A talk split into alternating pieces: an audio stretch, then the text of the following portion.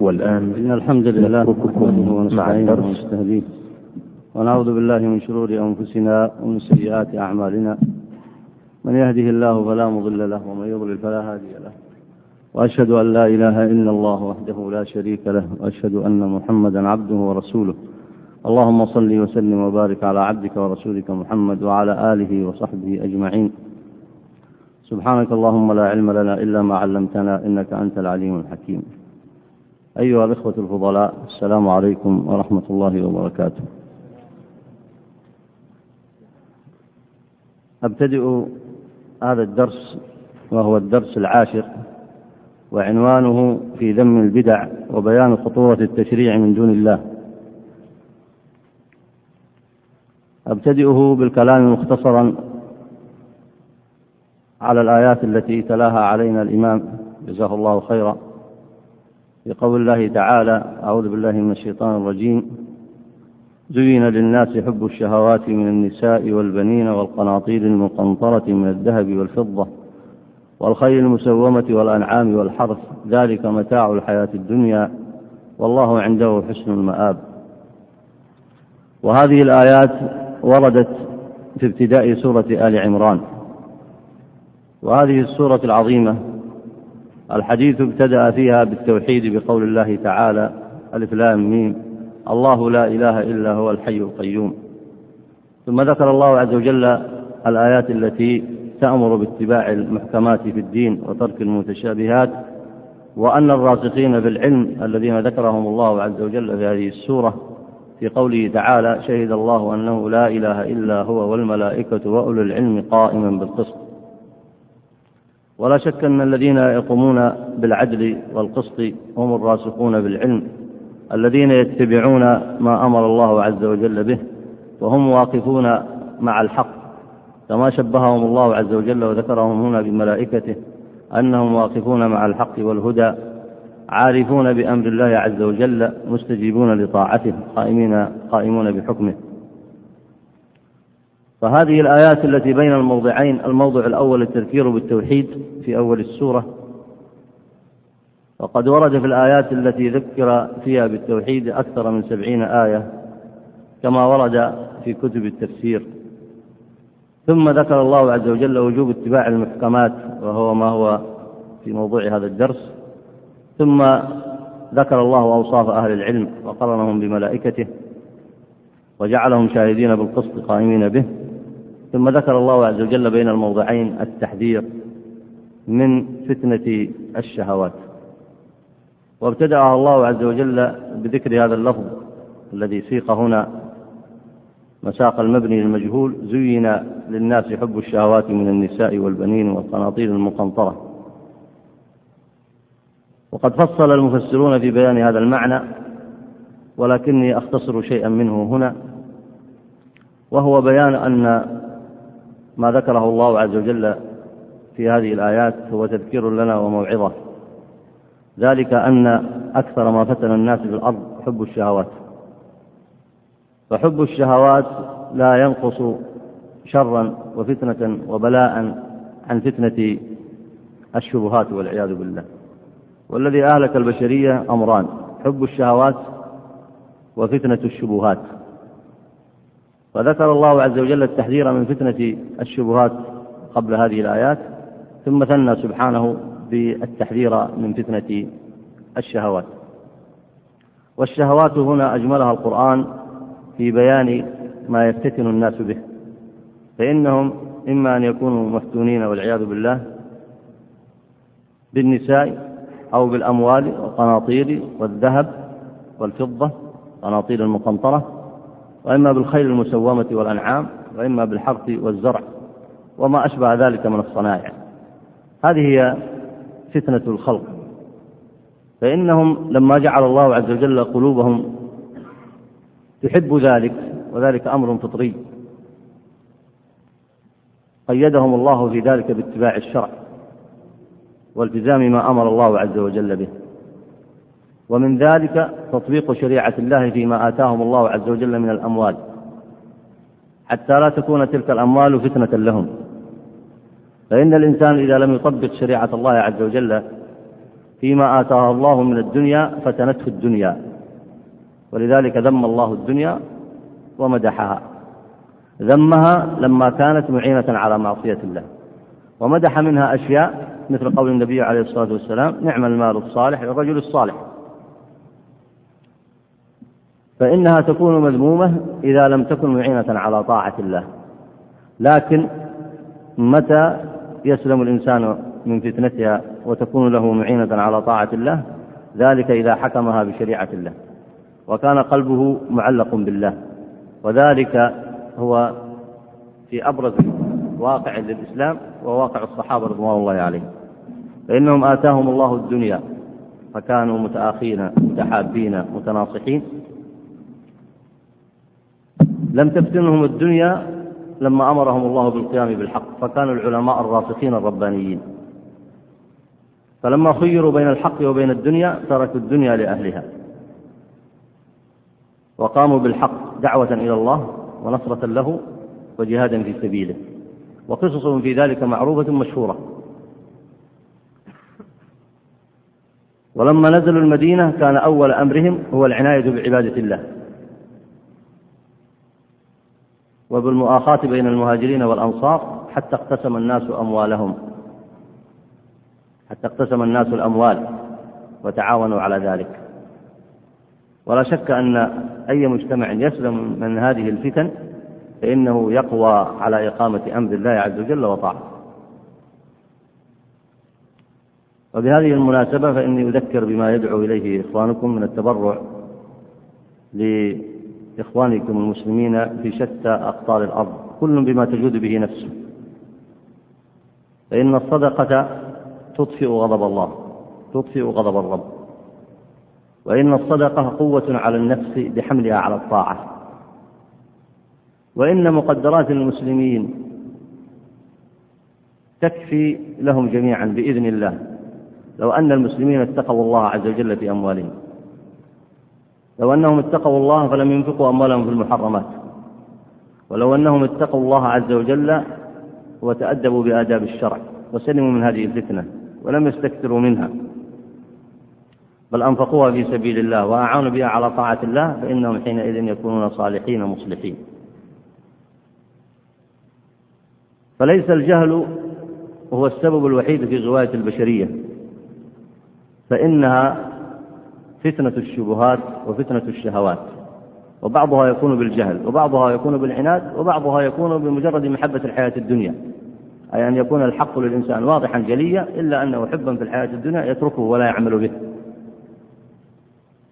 ولذلك عد العلماء هذا من الإعراض عن طاعة الله وعبادته. فلما ذكر الله عز وجل أكثر ما يفتن الناس عقبه بقوله تعالى ذلك متاع الحياة الدنيا. والتعبير بالمتاع يدل على الزوال. وقرنه بالدنيا يدل على الزوال. فقرنه بالدنيا يدل على دنو زواله ويدل على دنو منزلته. ثم قال الله عز وجل ذلك متاع الحياة الدنيا والله عنده خير المآب. قل أنبئكم بخير من ذلكم للذين اتقوا عند ربهم؟ جنات تجري من تحتها الأنهار خالدين فيها.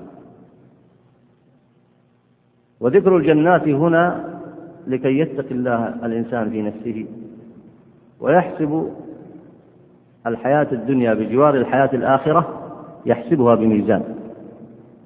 فإذا حسب الحياة الدنيا ولم ينظر إلى الآخرة لا يمكن أن يستقيم له الحال فلا بد أن يربط بين الحياة الدنيا والحياة الآخرة. والمقصود بالحياة الدنيا هي هو عبادة الله. والمقصود بالحياة الآخرة هو هي النجاة. فمن جمع في قلبه الربط بين الحياة الدنيا والآخرة كما ذكر في هذه الآية فإنه يسلم من فتنة الحياة الدنيا ومتاعها وينتظر ما عند الله عز وجل. ومن انتظر ما عند الله فاز. ومن تعلق بفتنة الدنيا هلك. ومن تعلق بما في أيدي المخلوقين هلك. ومن تعلق بالذم أو بالمدح عند الناس هلك. ولذلك عد الرياء منقصة وسبب من أسباب الشرك الأصل. وعد حب الدنيا حتى تؤدي إلى ترك عبادة الله سبب من أسباب الشرك الأكبر. ولذلك ينبغي للإنسان أن يعظ نفسه وأن يذكر نفسه وألا يقدم الباقية على الفانية. وأن يتأمل من أخبار الصالحين وقصصهم من الصحابة والتابعين ومن بعدهم بإحسان حتى يصبر على عبادة الله وطاعته. أكتفي بهذا المقدار سائلا المولى عز وجل أن يجعلنا وإياكم ممن عافاه من فتنة الدنيا وممن علق قلبه بما عنده إنه على كل شيء قدير ولما يشاء لطيف. اقرأ بارك الله فيك. بسم الله الرحمن الرحيم. قال المصنف رحمه الله تعالى والرابع أن المبتدع قد نزل نفسه منزلة المضاهي للشارع لأن الشارع وضع الشرائع وألزم الخلق الجري على سننها سننها على سننها وصار هو المنفرد بذلك لأنه حكم بين الخلق فيما كانوا فيه يختلفون. حكم. ها؟ لأنه حكم بين الخلق فيما كانوا فيه يختلفون وإلا فلو كان التشريع من مدركات الخلق لم تنزل الشرائع ولم يبق الخلاف بين الناس ولا احتيج إلى بعث الرسل عليهم السلام. فهذا الذي ابتدع في دين الله قد صير نفسه نظيرا ومضاهيا للشارع حيث شرع مع الشارع وفتح للاختلاف بابا ورد قصد الشارع في الانفراد بالتشريع وكفى بذلك. هذا الوجه الرابع في ذم البدع. استدل الشاطبي هنا على ذم البدع ببيان خطورة التشريع من من دون الله. وسيذكر الأدلة على ذلك في الأمر الخامس.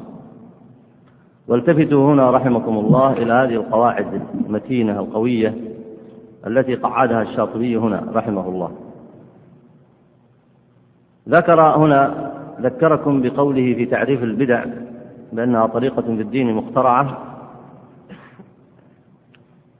يراد بها أو تضاهي الشرعية. فقال هنا إن المبتدع نزل نفسه منزلة المضاهي للشارع. ثم قال لأن معللا هنا قال لأن الشارع وضع الشرائع. فالشارع وضع الشرائع في العقائد وجميع ما يحتاجه الناس مما يسمى بالاصطلاح الفقهي العبادات والمعاملات وغير ذلك. فالشارع هنا وضع هذه الشرائع بيانا على ما سبق في الدرس الماضي بأن العقل لا يستقل بالمصالح لا يستقل بإدراك المصالح. ولعل في الدرس الماضي مما ذكر من أحوال الناس سواء الكفار أو من المبتدعة في هذه الأمة ما يدل على أن العقل لا يستطيع أن يستقل بذلك. ثم قال هنا الأمر الثاني ما فائدة هذا الاستقلال بالتشريع عند الشارع؟ لأنه أراد أن يكف الناس عن شهواتهم وأهوائهم فألزم الخلق الجري على سننها. الشارع لما قصد إلزام الخلق بذلك لما يأتي إنسان آخر سواء طائفة أو فرقة أو مذهب فيجعل هناك قواعد له خاصة في الدين سواء في العبادات أو في العبادات أو في العقائد أو في المعاملات. وهذا في شأن المبتدعة الذين ينتسبون إلى هذه الأمة. والمثال الثاني الواضح أيضا في الأمم الأخرى الكافرة التي تضع تضع لنفسها قوانينها. وأحكامها. إذا صنعوا ذلك وألزموا الخلق الجري على سننها أي على سنن ما وضعوه. ماذا قصدوا بذلك؟ قصدوا أن يكونوا منفردين بوضع تلك الشرائع والبدع. فلاحظ قول المصنف هنا وصار هو المنفرد بذلك أي صار المبتدع هو المنفرد بذلك. لأنه حكم بين الخلق فيما كانوا فيه يختلفون. أو كما قرأ قارئنا بارك الله ممكن أن تكون أيضا لأنه حكم أي اعتبر نفسه حكما. فمن أوصاف الله عز وجل التي أخذها هذا المشرع أو المبتدع أنه جعل لنفسه صفة الحكمة صفة الحكم بين الناس فيما كانوا فيه يختلفون. فوضع عقائد وبدع وشرائع وقوانين.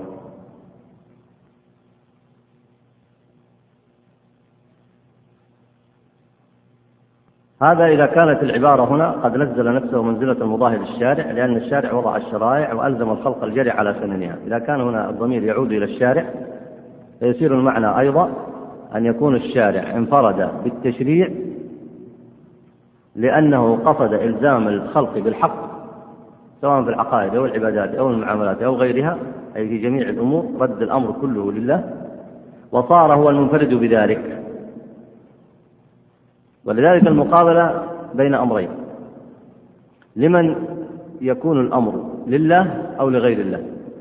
إذا كان الأمر لله فالأمور إذن تستقيم مع دعوة التوحيد ومع الشريعة الربانية ومع الاستقامة على الحق والهدى.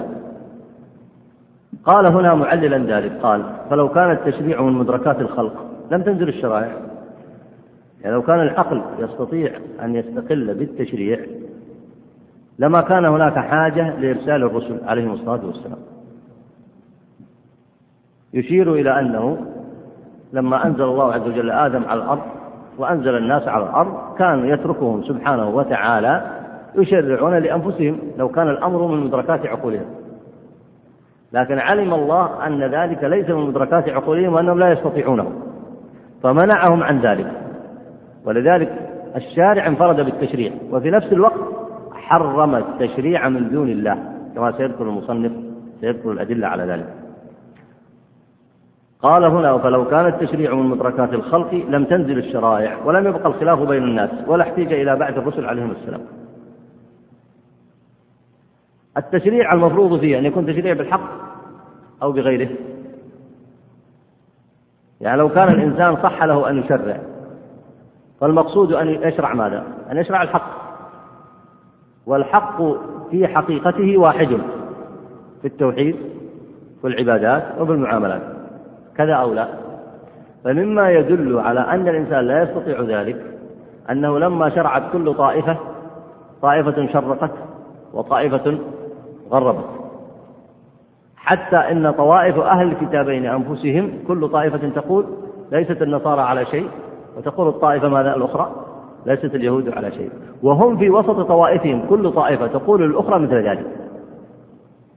وقس على ذلك أحوال أهل البدع. وقس على ذلك كل من لم يتبع الشريعة الإسلامية.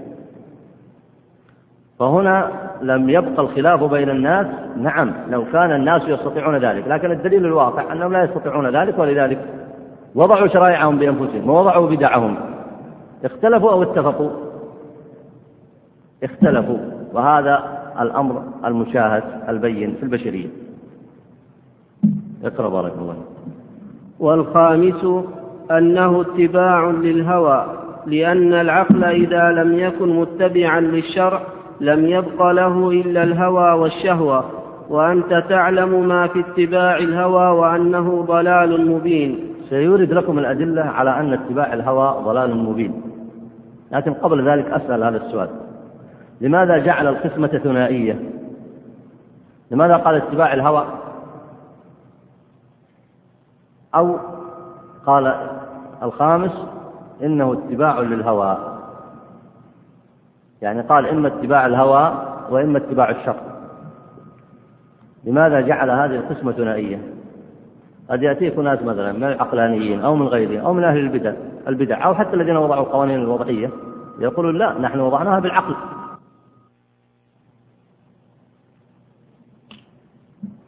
يمكن أن يقولوا يمكن أن يقولوا القسمة ثلاثية الهوى العقل الشرع.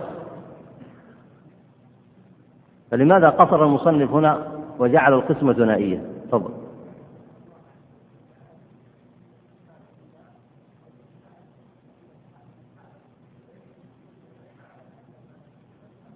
أحسنت. فإن لم يستجيبوا لك فاعلم أنما يتبعون أهواءهم وأنما تفيد الحصر يعني إذا لم يتبعوا الشرع سيتبعون ماذا؟ الهوى. فإذا الأدلة ستأتي لبيان أن القسمة ثنائية. وعلى هذا فتأملوا الأدلة. تأملوا الأدلة المذكورة الآن التي يذكرها المصنف هنا من آيات الله ليتضح لكم هذا الأمر. ليس عند البشرية إلا أحد خيارين إما الوحي وإما الأهواء. ولذلك القسمة الثلاثية العقل والهوى والشرع والوحي هذه قسمة غير واقعية. لأن العقل إذا لم يتبع الشرع صار تبع من؟ يعني ليس هناك عقل مجرد. وهذه من الأمور القواعد التي ينبغي أن يحفظها طلاب العلم. ليس هناك عقل مجرد. عقلي وعقلك وعقل أي إنسان في البشرية سواء كان مسلما أو كافرا في أي مسألة من المسائل هو بين أمرين إما أن يتبع الشرع وإما أن يخالفه. فإن اتبع الوحي كان متبعا للشرع. وإن خالفه هل هل يبقى عقله مجرد عقلا صحيحا ولا يصبح عقله اتبع الهوى؟ لاحظوا معي تأملوا الآن. عقل أي إنسان في أي مسألة من المسائل إما أن يتبع الشرع فيكون عقله مهتد بماذا؟ بالشرع. إن لم يتبع الشرع هل يمكن أن يكون عقلا مجردا؟ صحيحا؟ غير فاسد؟ إذا لم يتبع الشرع فلا بد أن يتبع ماذا؟ الهوى. فالقسمة في الحقيقية ثنائية الوحي أو الهوى. وتدل على ذلك الأدلة التي سيذكرها المصنف. اقرأ بارك الله ألا ترى قول الله تعالى يا داود إنا جعلناك خليفة في الأرض فاحكم بين الناس بالحق ولا تتبع الهوى فيضلك عن سبيل الله. إن الذين يضلون عن سبيل الله لهم عذاب شديد بما نسوا يوم الحساب. الخطاب في الآية لداود عليه السلام. المقصود بالخليفة أنه يستخلف في الأرض. ومأمور هنا بأن يحكم بين الناس. وداود كان نبيا وكان خليفة. آتاه الله الملك. فاحكم بين الناس بالحق. فماذا وراء الأمر الأول؟ وهو إذا لم يحكم الإنسان بين الناس بالحق ماذا وراءه؟ ولا تتبع الهوى. ولذلك القسمة في الآية الآن ثنائية. ثم رتب على اتباع الهوى فيضلك عن سبيل الله. اتباع الحق يهديك إلى سبيل الله. اتباع الهوى وهو الأمر الثاني الذي لا محيص عنه إذا لم تتبع الحق فيضلك عن سبيل الله. ثم توعده الله. إن الذين يضلون عن سبيل الله لهم عذاب شديد. والمساق الكلام هنا والنبي والله عز وجل يخاطب نبيه ولذلك قال ابن كثير في تفسير هذه الآية هذه وصية من الله عز وجل لولاة الأمور أن يحكموا بين الناس بالحق المنزل من عند الله. ولا يعدلوا عنه فيضلوا عن سبيل الله. وقد توعد تبارك وتعالى من ضل عن سبيله وتناسى يوم الحساب بالوعيد الأكيد والعذاب الشديد. ولذلك هنا قول الله تعالى عن سبيل الله لهم عذاب شديد بما نسوا يوم الحساب. قال عكرمة هنا لهم عذاب شديد يوم الحساب بما نسوا الحق. هي من المقدم والمؤخر.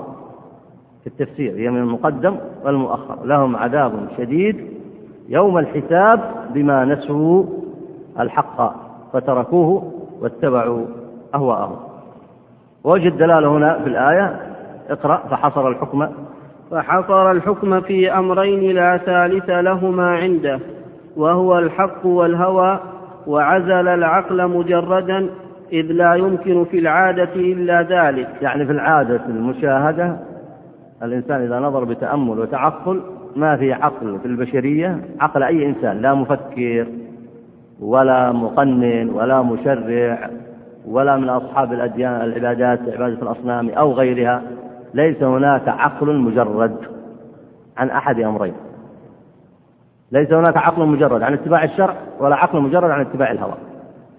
يعني العقل ينقسم في كل ما يتبع إلى قسمين. إن اتبع الوحي فهو حينئذ عقل مؤمن بالوحي مسترشد به متبع للحكم الشرعي. فإن لم يصنع ذلك فهو حينئذ متبع للهوى. وسيؤكده أيضا بالآية التي بعدها. اقرأ.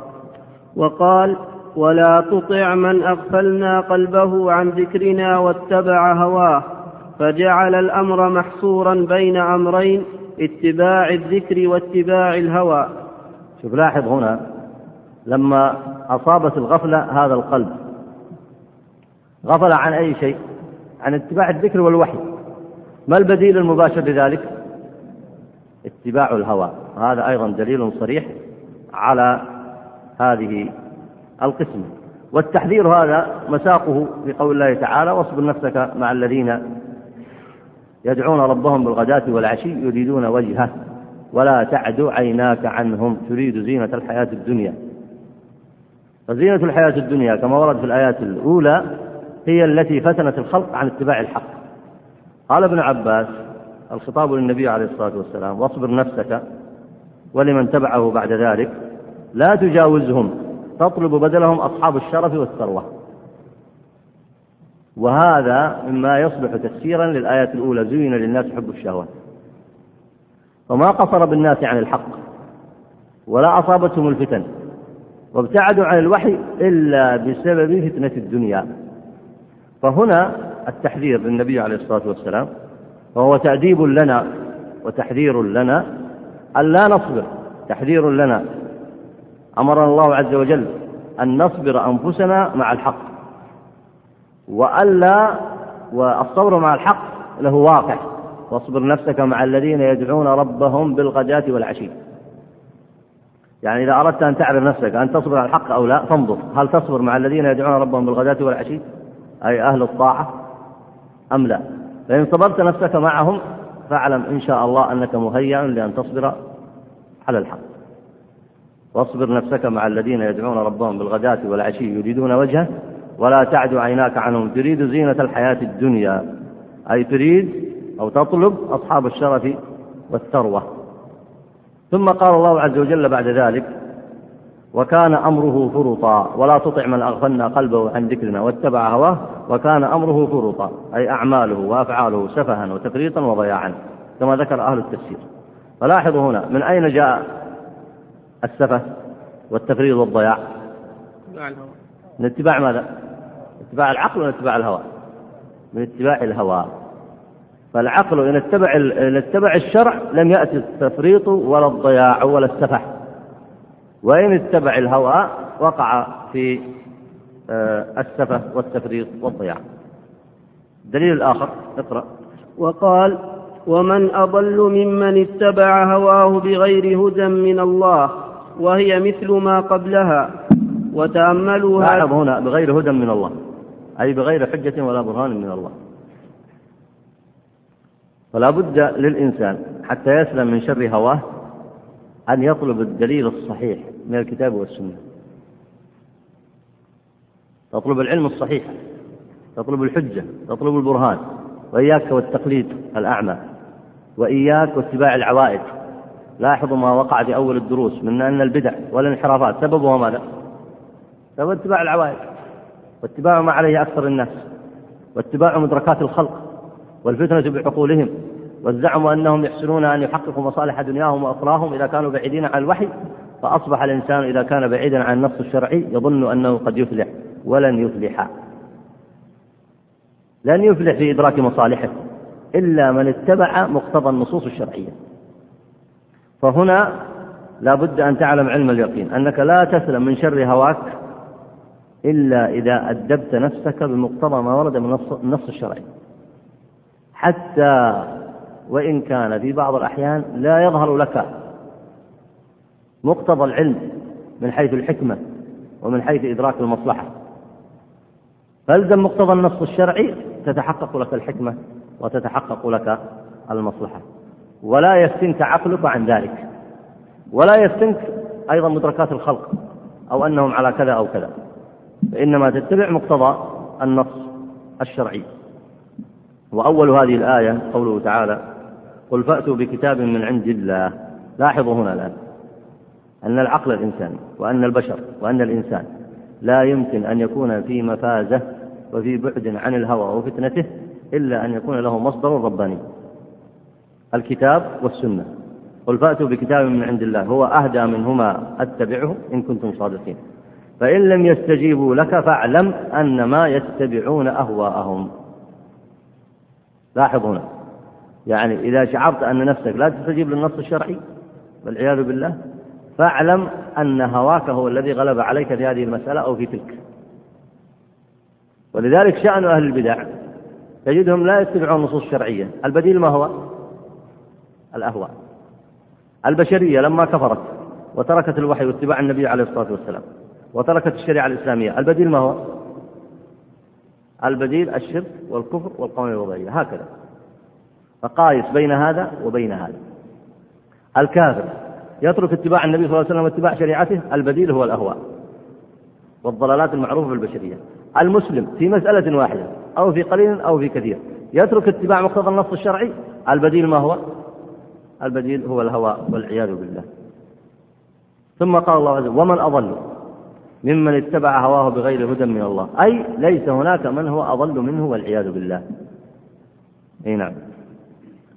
وتأملوا هذه الآية فإنها صريحة في أن من لم يتبع هدى الله في هوى نفسه فلا أحد أضل منه وهذا شأن المبتدع. فإنه اتبع هواه بغير هدى من الله وهدى الله هو القرآن. وما بينته الشريعة وبينته الآية أن اتباع الهوى على ضربين أحدهما أن يكون تابعا للأمر والنهي فليس بمذموم ولا صاحبه بضال فكيف وقد قدم الهدى فاستنار به في طريق هواه وهو شأن المؤمن التقي. لأنه إذا كان هواه تبعا لما جاء به النبي عليه الصلاة والسلام فقد فاز وأفلح. إذا كان المقصود بهواه رغبته وميله وتعلقه تعلق قلبه وإدراك عقله واطمئنان نفسه رغبته لما جاء به النبي عليه الصلاة والسلام لما جاء في الكتاب والسنة فقد أفلح. ولا شك أن هذا هو حقيقة الإيمان. ولذلك يلتزم بالشرع يحكم إليه يحب في الله يبغض في الله يحذر الآخرة ويرجو رحمة ربه. تجد أوصاف المتقين كلها تسرى تتتابع. على هذه القاعدة وعلى هذا الأصل. لأن رغبته وتعلق قلبه تعلق قلبه بالآخرة بما عند الله. ورغبته وشوقه إلى الله عز وجل. ورجاؤه وخوفه إلى الله عز وجل. وجوارحه ظاهره وباطنه إلى حب شرع الله عز وجل والاستقامة آه، على ذلك. فمن أفلح منه؟ مضاده متبع الهوى كما ورد في الآية السابقة. اقرأ الآخر. والآخر أن يكون هواه هو المقدم بالقصد الأول. كان الأمر والنهي تابعين بالنسبة إليه أو غير تابعين وهو المذموم. والمبتدع قدم هوى نفسه على هدى ربه فكان أضل الناس وهو يظن أنه على هدى. لاحظوا الآن عبارة دقيقة عند المصنف يقول أن يكون هواه هو المقدم بالقصد الأول. كان الأمر والنهي تابعين بالنسبة إليه أو غير تابعين. يعني هو مقصود اتباع الهواء والشهوات وليس مقصود اتباع الحكم الشرعي. لكن إذا كان الحكم الشرعي في بعض الأحيان يتطابق مع رغبته ها فيتبعه. لكن اتبعه بالقصد الأول ولا بالتبع؟ من يذكر الجواب؟ ها؟ اتبع الشرع بالقصد الأول ولا بالتبع؟ لاحظ الآن ها؟ أحسنت اتبع الشرع بالتبع ما هو بالأصالة. يعني هو أولا منقاد مع هواه. منقاد مع رغبته. ما يبحث عن الحكم الشرعي ما يبحث عن الدليل الصحيح ما يبحث بما يبرئ ذمته عند الله. هواه رغب في ذلك سواء في معصية أو في بدعة أو في كفر والعياذ بالله. فتعلق قلبه بذلك فاتبع هواه. فإذا جاء دليل ضعيف أو موضوع أو أي من يفتيه بالباطل فإنه يقول أنا أتبع هذا الدليل لكن هل قصده اتباع الشرع ولا قصده بالأول اتباع الهوى؟ فلما جاء الشرع لهواه تمسك فيه. ما نذكر الدليل على هذا في القرآن؟ وإن يكن لهم الحق أحسنت يأتوا إليه مذعنين. طيب هل هذا تتم به وجه الدلالة ولا لابد من سياق الآية؟ أه. ويقولون آمنا بالله وبالرسول وأطعنا. كلام ما شاء الله جيد. ويقولون آمنا بالله وبالرسول وأطعنا. ثم يتولى فريق منهم من بعد ذلك وما أولئك بالمؤمنين. وإذا دعوا إلى الله ورسوله ليحكم بينهم إذا فريق منهم معرضون معرضون عن ماذا؟ عما زعموه وادعوه في أول الآية في قولهم آمنا بالله وبالرسول وأطعنا فالقصد عندهم ما هو؟ اتباع ماذا؟ اتباع الأهواء وأعرضوا عن قولهم الأول آمنا بالله وبالرسول وأطعنا كيف يزعمون الطاعة بعد الشهادتين ثم يعرضون إذا دعوا إلى الله ورسوله إذا فريق منهم معرضون. ووجه الشاهد على ما ذكر المصنف هنا وإن يكن لهم الحق. وإن يكن لهم الحق يأتوا إليه مذعنين. متى يأتون للحق مذعنين؟ ها؟ إذا كان موافقا لأهوائهم. لأن رغبة الإنسان عادة ما تنخلع تصبح رغبة كلها شريرة. تكون عنده رغبات الأهواء. سواء ولذلك سبقت الإشارة أن حتى أهل الكفر عندهم بعض الأمور الفطرية وعندهم بعض الأشياء التي يتعبدون بها من بقية كتبهم مما لم يغير من مللهم. فالفطرة يبقى فيها شيء من الخير. فهذا الشيء من الخير الشريعة في العادة توافقه. فإذا جاء مع هذا الشيء من الخير الموافقة اتبعوه. لا لأنهم لا يتبعون أهواءهم. لاحظ. بل لأن الأصل عندهم اتباع الأهواء. لكن لما جاء هذا الخير الذي في نفوسهم يوافقه شيء من الشرع ماذا صنعوا. وإن يكن لهم الحق يأتوا إليه مذعنين إن كان يناسبهم في مصلحة من مصالح دنياهم أتوا إليه مذعنين وإن كان في شيء يقبلونه من أصل فطرتهم أتوا إليه مذعنين لكن الأصل ما هو عندهم.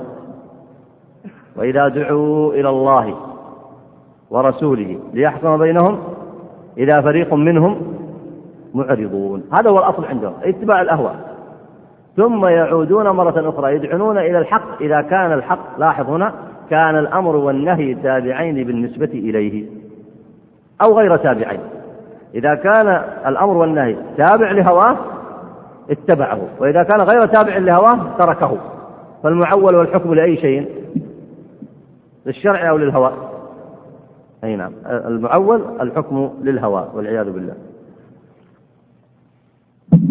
فائدة القاعدة هذه أن تستفيد منها في حياتك كلها سواء في تفريقك بين الحق والباطل أو حتى في تربية نفسك. فانظر إلى هواك فاجعل الشرع هو الحاكم عليه ولا تجعل هواك هو الحاكم على الأدلة الشرعية. إذا جعلت هواك هو الحاكم على الأدلة الشرعية ما تستقيم الأدلة الشرعية في يدك. تعود إليها بالتأويل تعود إليها بالتضعيف تعود إليها بالنسيان. بأمور كثيرة. وهذا يقع حتى في الشهوات الخفية وحتى في الأمور الجزئية يقع هذا. يأتي الإنسان رغبته يستفتي في مسألة يميل إلى أي شيء. بعض الناس لجهله يريد أن يفتى في المسألة بما يطيب له مع أن المفروض إن كان عالما بالشرع أفتى نفسه وإلا لا؟ وإن كان ليس عالما بالشرع واستفتى غيره ينتظر أن يعرف الدليل الصحيح ولا ينتظر أنتظر أن يفتيني هذا بمقتضى ما أريد. فإن كان ينتظر أن يفتيه بمقتضى الدليل الشرعي فقد سلم من هواه. وإن كان ينتظر أو تنتظر أن يفتيك بمقتضى ما تريد فاعلم أن هواك ما زال يحاصرك. وهذا يكثر في الخلق. ولذلك ينبغي للإنسان أن يأخذ نفسه بالإخلاص ومتابعة السنة. وهذا يكثر في كثير من أمور الفتوى. تجد كثير من الناس الآن يقول آه، ما هو الأسهل في الفتوى؟ ما هو الأنسب في الفتوى؟ ثم يأخذ بذلك ويترخصون ويتبعون الرخص ويتبعون الرخص. ولذلك من من الطرائف وهي يعني في كونها طرفة لكنها تدل على هذا المعنى عند بعض الناس. أن أحد الحجاج يسأل مفتي وهذا المفتي المفروض أن يفتيه بماذا؟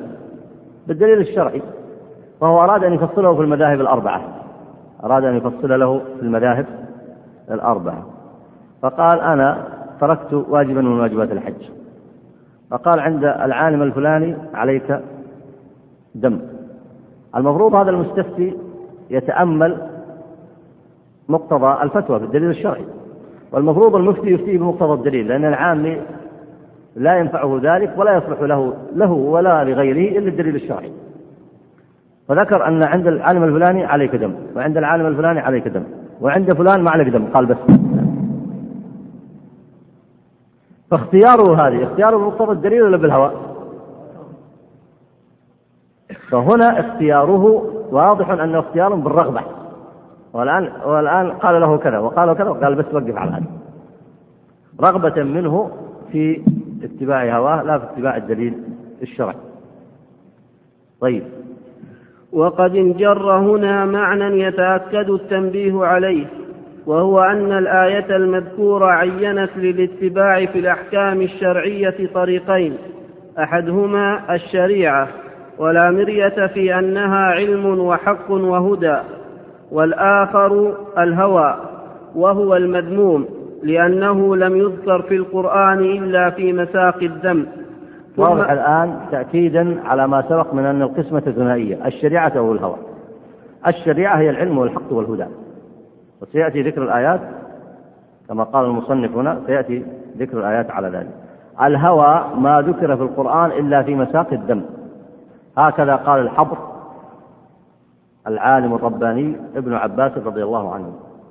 قال ما ذكر الهوى في القرآن إلا في مساق الدم. يعني إذا ذهبت الآن وتتبعت جميع الآيات في المعجم المفهرس التي وردت في الهوى فلا تذكر إلا على سبيل الدم. ومن ذلك الآيات الثلاث التي ذكرها المصنف آه، رحمه الله. طيب ولم يجعل ثم طريقا آخر. ولم يجعل ثم طريقا ثالثا ومن تتبع الآيات ألفى ذلك كذلك.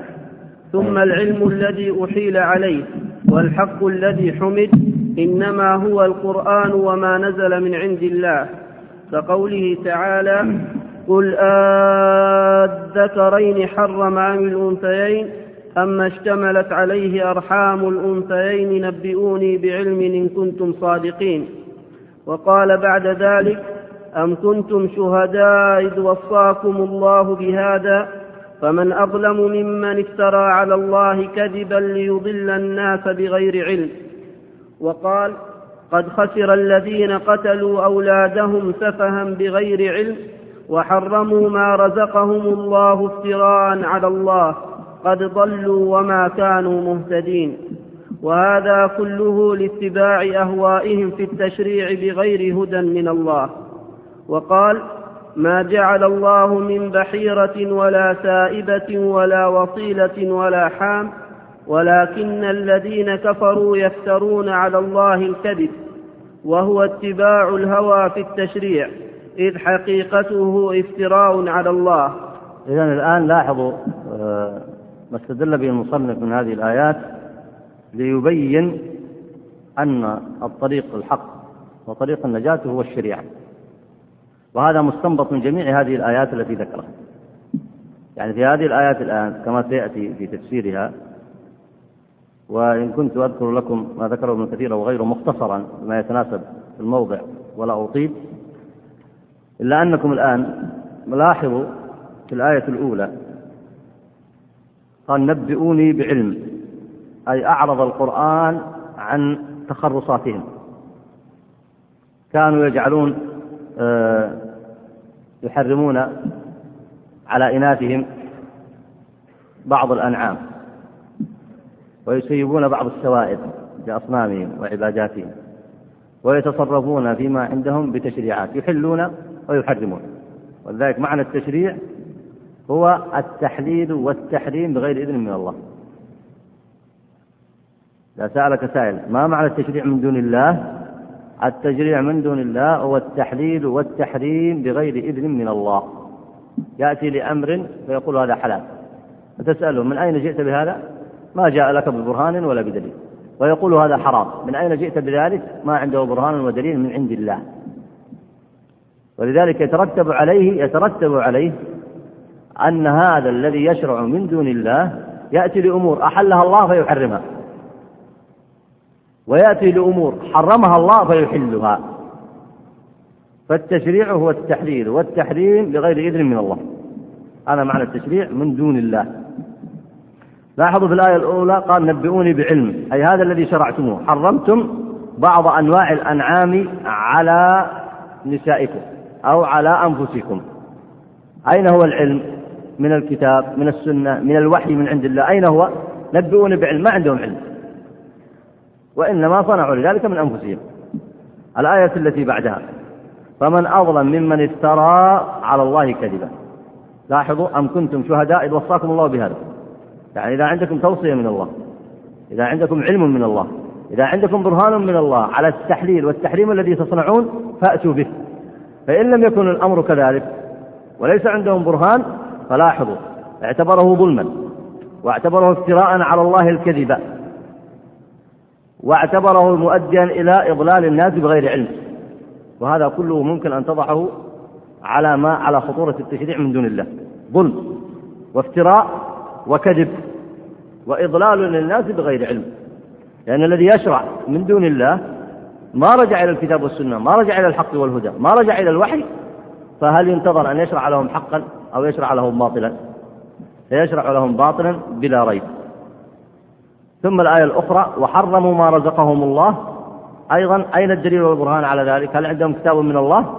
فلما لم يكن عندهم علم من عند الله اعتبره افتراء على الله واعتبره سببا للضلالة ونفيا للهداية. الآية الثالثة ولكن الذين كفروا يفترون على الله الكذب. تأملوا هذه الآيات تأملوا هذا المواقع في الآيات حتى تدركوا ما يذكره أهل التفسير على سبيل الاختصار هنا. طبعا ال أولها قول الله تعالى ما جعل الله من بحيرة ولا سائبة ولا وصيلة ولا حام ولكن الذين كفروا يفترون على الله الكذب. الذي ورد في البخاري في التفسير أن البحيرة التي يمنع در يمنع درها للطواغيت أي للأصنام فلا يحلبها أحد من الناس. طبعا ما الذي سيستفيد منها؟ لا أحد سيستفيد منها. تترك هكذا. السائبة يسبونها أيضا لآلهتهم. يعني يسيبونها فلا يحملون عليها شيء. وانظر هذه الأمثلة حتى تدلك على معنى التشريع من دون الله. الوصيلة هي الناقة البكر. تبكر في أول نتاج الإبل ثم تثني بعده بأنثى. فإذا صنعت ذلك سيبوها لطواغيتهم أيضا. ويقولون وصلت إحداهما بالأخرى ليس بينهما ذكر. والحام في الآية فحل الإبل. يضرب الضراب المعدودة فإذا قضى ضرابه ودعوه للطواغيت وأعفوه من الحمل فلا يحمل عليه شيء. وسموه الحامي وكذلك رواه مسلم أيضا. التشريع من دون الله نشأ مع الشرك. نشأ مع الشرك. يعني يأتي قوم يتركون متابعة الرسول. من هنا تبدأ خط التشريع من دون الله. يتركون متابعة الرسول والالتزام بهديه بالوحي. إذا تركوا الوحي كيف يرتبون حياتهم؟ كيف ينظمون حياتهم؟ كيف ينظمون أموالهم؟ كيف آه، يدفعون عن أعراضهم؟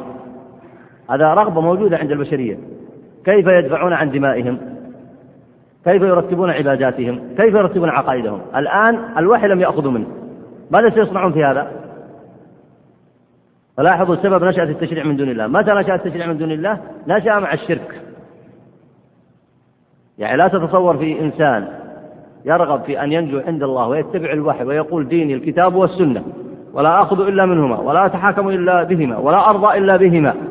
وأعتقد اعتقادا جازما أن الحكم بهما واجب وأنها هي الحق والهدى. وأعتقد أن ما سواها من الأديان والشرائع باطل. وأعتقد أن التشريع من دون الله محرم. وأن ما سوى حكم الله رد باطل. ما تتصور من هذا؟ أنه يروح يشرح. لنفسه من دون الله. يعني ما حاجته إلى التشريع من دون الله.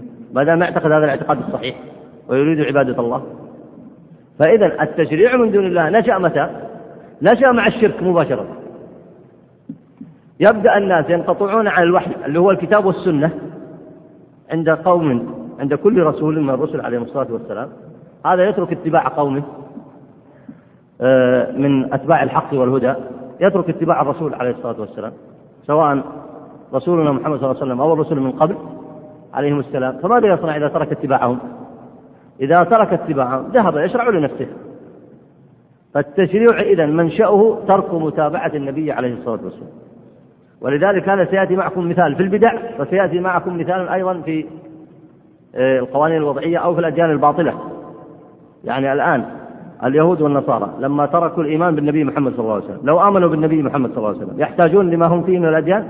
والقوانين ولا سيأخذون التوحيد من النبي عليه الصلاة والسلام ويؤمنون بالرسل جميعا ويأخذون الشريعة من النبي عليه الصلاة والسلام. هل يحتاجون لما هم فيه؟ لا يحتاجون. لكن متى صنعوا ما هم فيه؟ متى صنعوا؟ لما تركوا اتباع الرسول عليه الصلاة والسلام بدأوا يشرعون لأنفسهم. خذ هذا المثال بدرجة أقل في أهل البدع والأهواء. متى صنعوا بدعهم؟ متى صنعوها لأنفسهم؟ لما تركوا السنة واتباع النبي عليه الصلاة والسلام.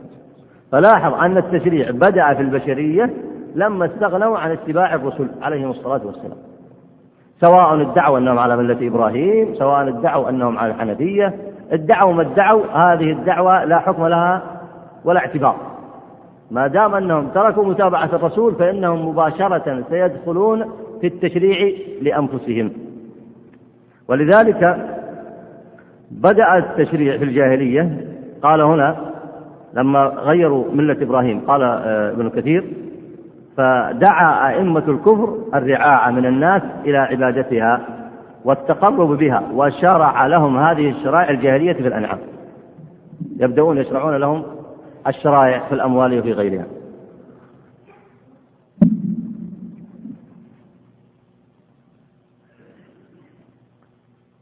قال السدي. كان الرجل منهم إذا قضيت حاجته أو عوفي من مرض أو كثر ماله سيب شيئا من ماله للأوثان. فلاحظوا الآن آه، فمن عرض له من الناس عوقب بعقوبة في الدنيا. فهنا إذا بدأوا آه، أصابت الإنسان منهم كارثة أو غيره بدأ يتعلق بمعبوده من دون الله. ثم قال في قول الله تعالى ولكن الذين كفروا يفترون على الله الكذب وأكثرهم لا يعقلون. أي ما شرع الله هذه الأشياء ولا هي عنده قربة. ولكن المشركون افتروا ذلك وجعلوه شرعا لهم وقربة يتقربون بها إليه. وليس بذلك بحاصل لهم بل هو وبال عليهم.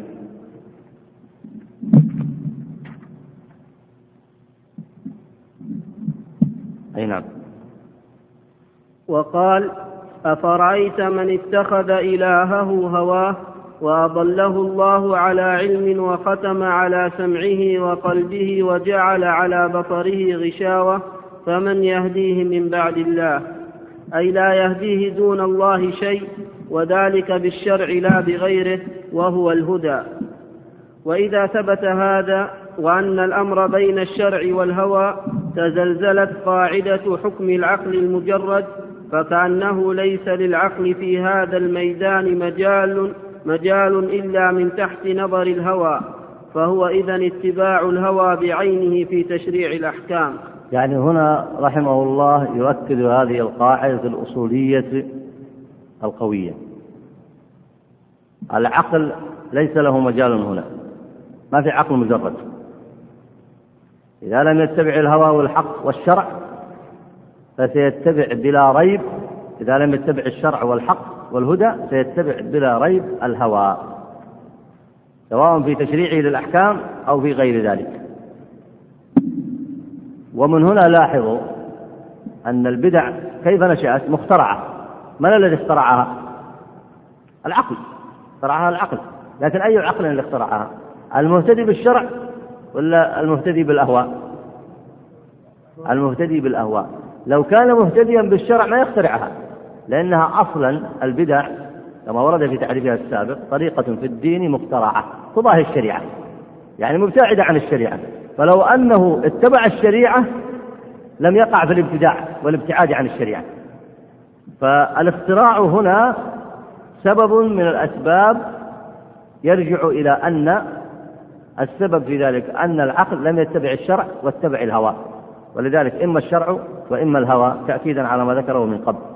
وأيضا التشريع من دون الله الذي ذكره المصنف لأنه سيأتي سؤال الآن مهم. وهو لماذا ذكر المصنف هنا التشريع من دون الله؟ ولاحظوا هنا أنه اعتبر التشريع من دون الله دليل. يعني اعتبر ذم التشريع من دون الله دليل على ذم البدع. الباب هذا منصوب لأي شيء؟ لذم البدع. ذكر أربعة أوجه في ذم البدع وإلا لا من الأوجه الأربعة وجهان في ذم التشريع من دون الله يعني لما يريد أن يأتي بدليل يذم به البدع المفروض يأتي بدليل ماذا؟ بدليل قوي متفق عليه بين المسلمين ولا لا؟ لما ترجع إلى أصل أليس بالضرورة أن يكون الأصل هو القوي؟ فهنا هذا الأصل وهو ذم التشريع من دون الله أصل متفق أهل الإسلام على أن التشريع من دون الله. هكذا علماء السنة وهكذا أهل الحق والهدى والدين هكذا يقولون. التشريع من دون الله مذموم ومحرم. ولا يستقيم مع أمر الإسلام. ما يستقيم. ما يمكن أن يكون الإنسان مستقيم على الهدى ويشرع من دون الله. فذكر هذا دليلا على ذم البدع. يعني كأنه يريد أن يقول إن البدع تساوي تشريع من دون الله. والتشريع من دون الله مذموم بالإجماع فإذا البدع مذمومة بالإجماع. ولهذا أورد الكلام هنا على التشريع. وسيورد له بحوثا مفصلة في داخل هذا الكتاب. هنا في قول الله تعالى اتخذ إلهه هواه وأضله الله على علم. آه قال ابن كثير هنا هذا يستدل به على ذم المعتزلة. فلاحظوا الآيات هذه. الآيات هذه في أصلها واردة في من؟ في من اتبع إلهه هواه مطلقا. فيدخل فيها الكافر والمشرك ويدخل فيها المبتدع حتى من انتسب الإسلام. يدخل فيها لأنه اتبع هواه. فهنا قال على ذم المعتزلة في قولهم بالتحسين والتقبيح العقلي. وفي الأمر الأول والثاني في أول الكتاب ذم تحسين العقل بغير هدى من الله. ثم ذكر أن العقل لا يستقل بإدراك المصالح كما ذكر هناك. آه، وعن مالك فيما روي عنه في التفسير قال معناه هنا أفرأيت من اتخذ إلهه هواه؟ كيف يتخذ إلهه هواه؟ قال مالك لا يهوى شيئا إلا عبده. لا يهوى شيئا إلا عبده. ومعنى وأضله الله على علم أي أن أنه علم أنه يستحق ذلك. ولذلك لاحظوا قول الله تعالى وختم على سمعه وقلبه. شوف شدة العقوبة وهذا من أشد الآيات في التحذير من الهوى. إذا اتخذه إلها وعبد هواه من دون الله ختم الله على قل على سمعه وقلبه وجعل على بصره غشاوة. فمن يهديه من بعد الله؟ الختم هذا عقوبة.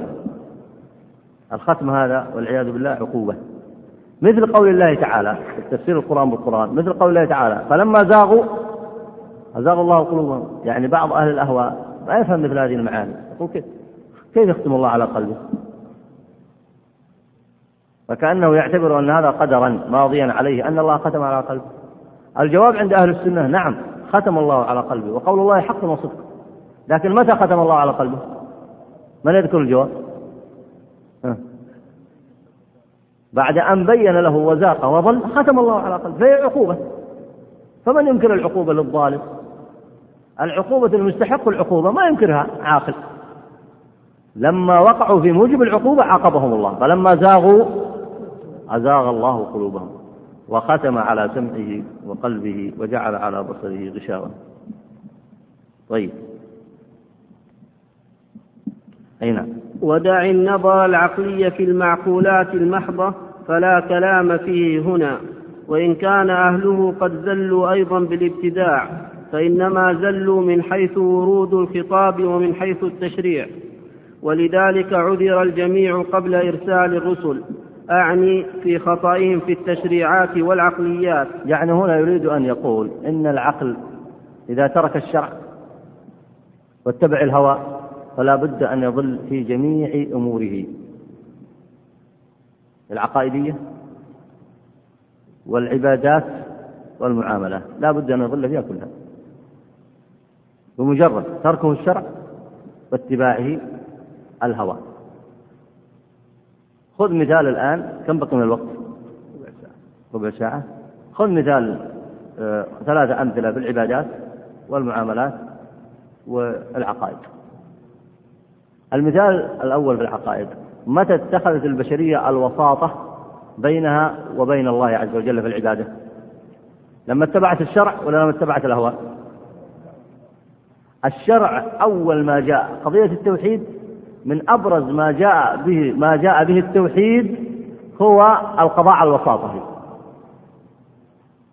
الوساطة بين العبد والرب في العبادات والتعلق والرجاء والخوف والدعاء هذه قضى عليها التوحيد قضاء مبرما لأن التعلق لا يكون إلا بالله والدعاء لا يكون إلا لله والرجاء لا يكون إلا لله وهكذا سائر العبادات. فلما دخل الهوى هنا لما دخل العقل المجرد عن اتباع الشرع اتبع الهوى. وكذلك في العبادات. متى أدخلت الأديان الباطلة؟ الرقص والزمر كما هو عند اليهود. اليهود أدخلوا الرقص والزمر في عباداتهم. أدخلوا الرقص والزمر في عباداتهم كما هو مكتوب في أناجيلهم وأقرب ما قرأته اليوم أن في المزمور التاسع والأربعون عندهم في بعض كتبهم أنهم جعلوا الذكر بطريقة يضاف إليها بطريقة خاصة. يضاف إليها عندهم زمر ورقص. فمتى نشأت أنشأت هذه بالعبادات؟ باتباع الهوى وإلا لم يكن ذلك في شرائع الأنبياء. ولذلك دخل هذا النوع على الأمة. يعني أكثر الضلالات وأكثر البدع كلما بحثت عنها تجدها عند الأمم الأخرى. وأما في المعاملات فكثير أيضا. خذ القوانين الوضعية كمثال من الأمثلة. القاتل لا يقتل والزاني لا يرجم ويضعون في ذلك الأموال عقوبة. والنظر للمحرمات لا قيد عليه لا يعتبرونه محرمات. فوقع مذهب الإباحية سواء في القوانين الوضعية أو عند أهل البدع كما هو معروف عند أهل التصوف والغلاة وغيرهم أصحاب وحدة الوجود والاتحاد وغيرهم. متى وقع هذا؟ بترك اتباع الشرع. فالضلالات الموجودة سواء في النظر العقلي المحض بما يسمونه بإدراك صفات الله أو في العبادات أو في المعاملات إذا ترك الناس حكم الشرع وبدأوا يشرعون لأنفسهم فإنهم يبدأون في الضلالات والابتداع كما ذكر المصنف. قال فقد زلوا أيضا بالابتداع أي في ذلك كله. المسألة الأخيرة التي ختم بها المصنف هنا وسيأتي لها كلام له مفصل في مسألة أهل الفترة وهي أن هؤلاء من أهل الملل الأخرى. هذا أبرز مثال في الموضوع آه، لبيان خطر التشريع من دون الله. وأيضا أبرز مثال للموضوع لما يريده المصنف. قال ولذلك عذر الجميع قبل إرسال الرسل. الكفار قبل النبي عليه الصلاة والسلام. قبل بعثة النبي عليه الصلاة والسلام. هؤلاء الكفار قبل البعثة. هل هم معذورون حتى تبلغهم الحجة الرسالية أم لا؟ وما معنى قول الله تعالى وما كنا معذبين حتى نبعث رسولا؟ هذا بحث مفصل ذكره أهل العلم. فمعنى أنهم معذورين هنا لاحظوا دققوا في هذا. ما هو معنى أنهم ليسوا بكفار؟ هذا لا كلام فيه. كفار لأنهم لم يؤمنوا بالنبي عليه الصلاة والسلام. اللي ما نطق بالشهادتين كافر. والذي لا يتبع النبي عليه الصلاة والسلام ويؤمن بما جاء به ويقبل الشرع هذا كافر بلا ريب. فهذا النوع من الكفار قبل البعثة لا شك أنهم كفار. في أي شيء معذورين إذن؟ معذورين هل يعذبون على ذلك قبل بلوغ الحجة الرسالية أو لا بد من بلوغ الحجة الرسالية؟ لاحظتم؟ فبقي السؤال الثاني متى تبلغهم الحجة؟ من بلغت الحجة في الدنيا ولم يستجب فهو كافر ومعذب في النار. ومن لم تبلغه الحجة الرسالية فإن هناك من الأدلة ما يدل على أنه يبتلى في عرصات جهنم. عفوا في عرصات القيامة. وهو أي ذلك الكافر أو الذي ارتكب ذلك الكفر. إن آمن واهتدى صار من أهل الجنة وإن بقي على كفره كان من أهل النار. ولذلك مآل الناس إلى الجنة أو النار. ولا ولا يدخل الجنة إلا نفس مسلمة. هذا أصل من أصول أهل السنة معلوم. ولا يخلد في النار إلا الكفار. فمن لم تبلغه الحجة في الدنيا تبلغه الحجة في الآخرة وهذا له بحث آه، مفصل نشير لكم إلى بعض مراجعه. اقرأ بارك الله فيك. حتى جاءت الرسل فلم يبق لأحد حجة يستقيم إليها. رسلا مبشرين ومنذرين لئلا يكون للناس على الله حجة من بعد الرسل. بعد الرسل. صحح بارك الله أحسنت.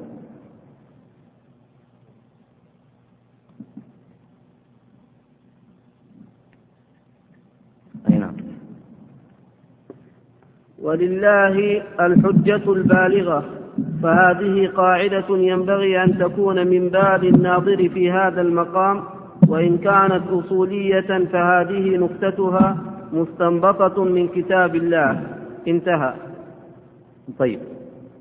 الحقيقة أن موضوعات الكتاب يعني قوية كما ترون ومهمة في نفس الوقت ولذلك على طلاب العلم أن يصابروا أنفسهم ويتفهموا كلام أهل العلم ويرجعوا إلى المصادر العلمية الجيدة في هذا.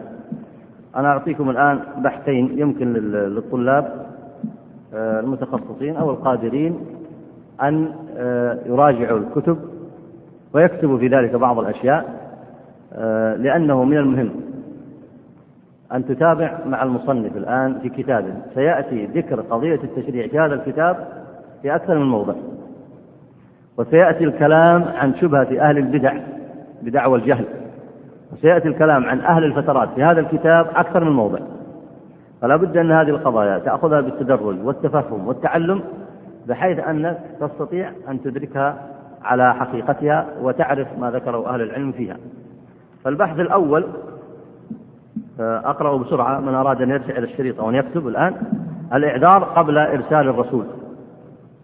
هذه ما ذكره في الآية تراجعون كلام ابن كثير عندها وعند قول الله تعالى أيضا في سورة الإسراء وما كنا معذبين حتى نبعث رسولا. الإعذار قبل إرسال الرسول يساوي الإعذار قبل بلوغ الحجة. يعني ما حكمه؟ هل يعذرون أم لا؟ البحث الأول قبل البعثة لعدم بلوغ الحجة الرسالية. البحث الثاني بعد البعثة إذا لم تبلغ الحجة الرسالية.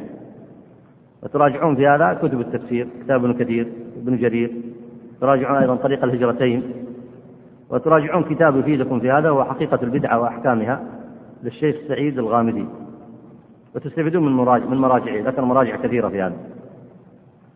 لاحظوا هنا حتى يكون الإنسان عنده ثوابت وأساسيات ينقسم البحث هنا في الناس إلى قسمين. من بلغ من بلغته الحجة الرسالية أي من بلغه خبر الرسول عليه الصلاة والسلام. هذا إذا لم يؤمن فهو كافر. ما هو مثل ما كتب بعض الكتاب يقول أن اليهود والنصارى يعني كيف يعتبرون كفار؟ هذا بالإجماع كفار. وبعد ما تدرسون هذه القضية دراسة متأنية نعرض عليكم بعض البحوث العلمية في هذا. من بلغته الحجة الرسالية ومات ولم يؤمن فهو كافر معذب. هذه مسألة إجماعية. النقطة الثانية من لم تبلغه الحجة الرسالية؟ إذا مات وهو كافر أي لم يؤمن بالنبي عليه الصلاة والسلام فابحثوا ما ذكره أهل العلم في أنه يبتلى في عرصات جهنم ويتبين موقفه من اتباع الرسول. فإن آمن دخل الجنة وإن بقي على كفره دخل النار. ومثل هذا البحث يتعلق بالمجانين. لأنهم لا يميزون ولا يعرفون ما سمعوا الحق ويتعلق أيضا بالأطفال وجميع أهل الفترة ومن في حكمهم بعد بعثة النبي عليه الصلاة والسلام. هذا البحث الأول ممكن تجمعوا فيه وتراجعوا فيه بعض المراجع والمهم التنبيه إلى أن المصنف سيذكره في أكثر من موضع فتأخذون الكلام فيه على سبيل التدريج حتى تدركوا أقوال أهل العلم. البحث الثاني التشريع من دون الله. ولاحظوا الآن أن في هذا الموضع في هذه الصفحة وصفحتين ذكر قضيتين مهمتين. قضية التشريع من دون الله وذكر قضية آه، الإعذار فيما يتعلق بمن من لم تبلغه الحجة الرسالية. التشريع في اللغة هو الابتداء. في اللغة يقال ابتدأت بكذا ابتدأت في كذا شرعت في كذا أي ابتدأت فيه.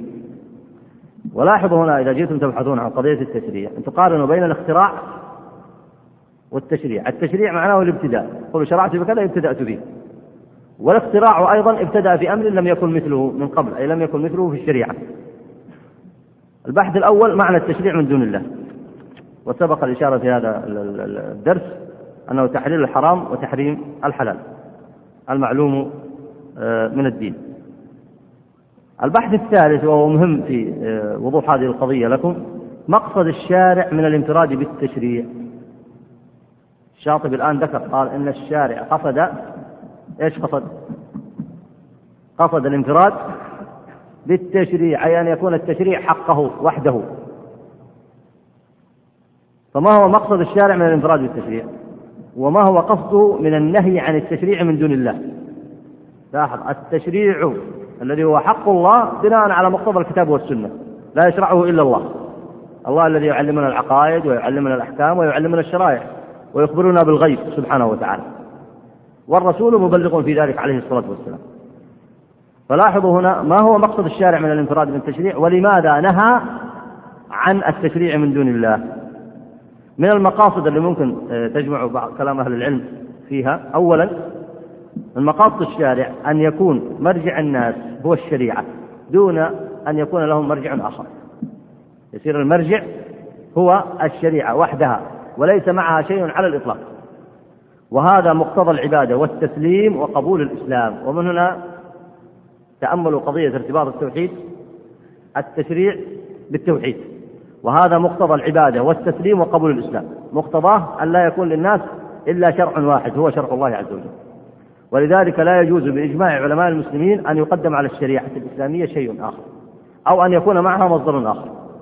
كل هذه مسائل إجماع. تبحثون عنها. وتجمعون كلام أهل العلم عليها الثاني من مقاصد انفراد الشارع بالتشريع الذي أشار له المصنف هنا. من مقاصده كف البشرية عن وضع التشريع من دون الله. حماية لهم من جهلهم وفساد تصوراتهم. ولأنه يؤدي إلى الاختلاف كما ذكر المصنف. يؤدي إلى الاختلاف كما ذكر المصنف سواء بين أهل الإسلام أو بين أهل الكفر. أما أهل الكفر فالاختلاف واضح. بينهم. وأما أهل الإسلام إذا جاءوا ناس يشرعون لهم من دون الله فأهل الإسلام سيخالفونهم سيقول ليس لكم الحق أن تشرعوا من دون الله. عودوا إلى الشريعة الإسلامية فيقع الخلاف. لكن الصواب يكون مع من؟ يكون مع الداعين لحكم الشريعة والناهين عن التشريع من دون الله. طيب.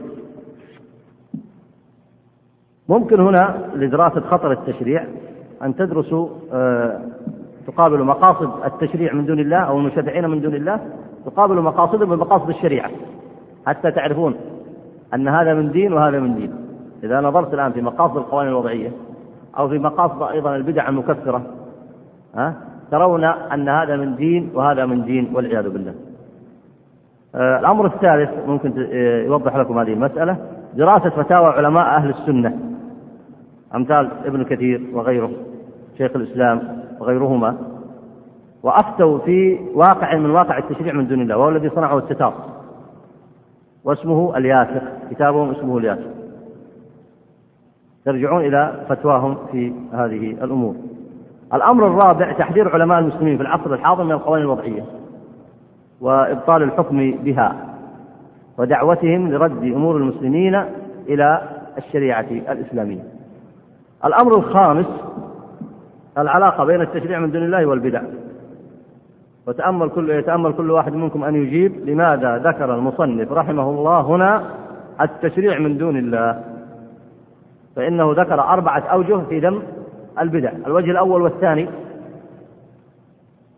الوجه الأول والثاني في بيان أن العقل لا يستقل بإدراك المصالح والمفاسد. لا بد له من اتباع الشرع. والوجه الثالث الرابع والخامس في ذم التشريع من دون الله. فهنا السؤال لماذا ذكر الشاطبي في هذا الموضع قضية التشريع من دون الله وبين خطرها؟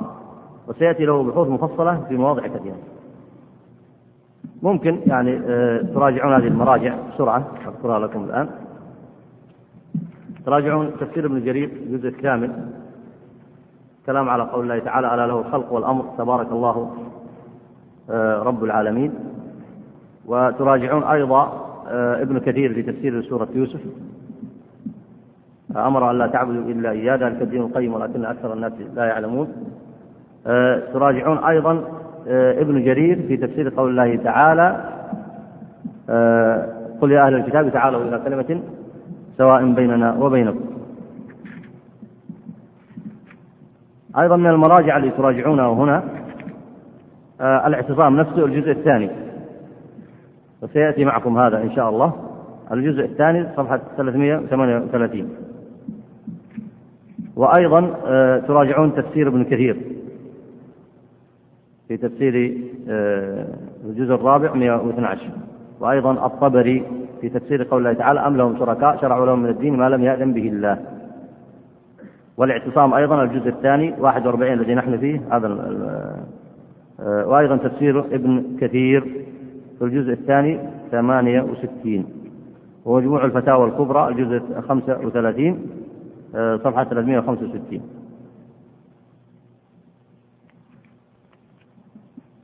آه، تراجعون هذه المراجع وتتأملونها في القضيتين لأن أصلا هذا الكتاب مبني على هذين المحورين وهو ذم البدع وذم التشريع من دون الله سواء أوقع ذلك في آه، أهل الأديان الأخرى أو وقع في ذلك في أهل البدع المنتسبين للإسلام. أكتفي بهذا المقدار وأصلي وأسلم على عبدي ورسوله محمد وعلى آله وصحبه أجمعين.